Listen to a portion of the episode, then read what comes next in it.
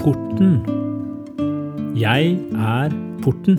Den som går inn gjennom meg, skal bli frelst og fritt gå inn og ut og finne beite.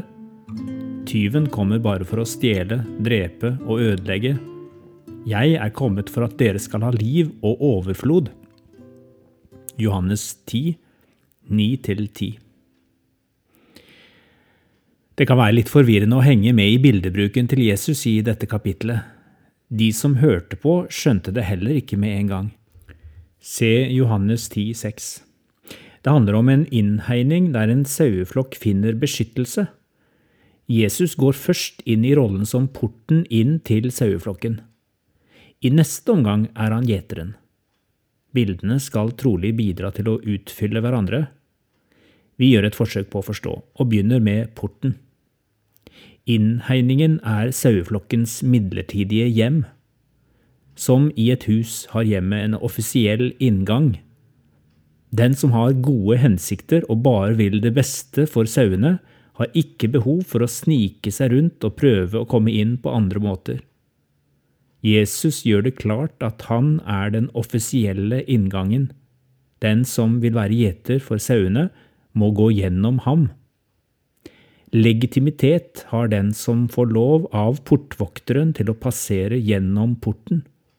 Da vet vi at det er en som ikke har kommet for å misbruke sin makt, en som sauene kan ha tillit til.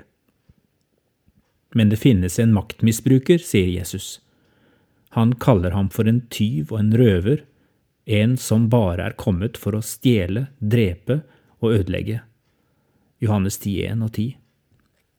Du vet med sikkerhet at det ikke er den gode gjeteren som er på ferde, når han ikke vil gå gjennom porten Jesus.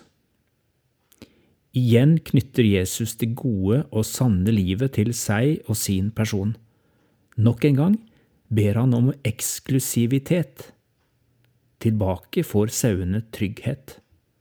Men ikke som i et innestengt, kvelende rom uten bevegelsesfrihet. Der en menighet blir slik, har den gått over til å være en lukket sekt. Det er ett avgjørende kriterium for at det er Jesus som er porten. Den som går inn gjennom meg, skal bli frelst og fritt gå inn og ut og finne beite. Johannes 10,9. Dette er så viktig. Visst finnes det farer vi kristne skal beskyttes mot, men måten Jesus beskytter oss på, er aldri ved å stenge oss inne for å holde fienden ute. Veggen mellom omsorgsfull beskyttelse og livstruende maktmisbruk kan være ganske tynn og vi trenger visdom til å skjelne. Til ettertanke. Hvordan kan jeg bruke porten Jesus som et kriterium for hvem og hva jeg gir innflytelse i mitt liv?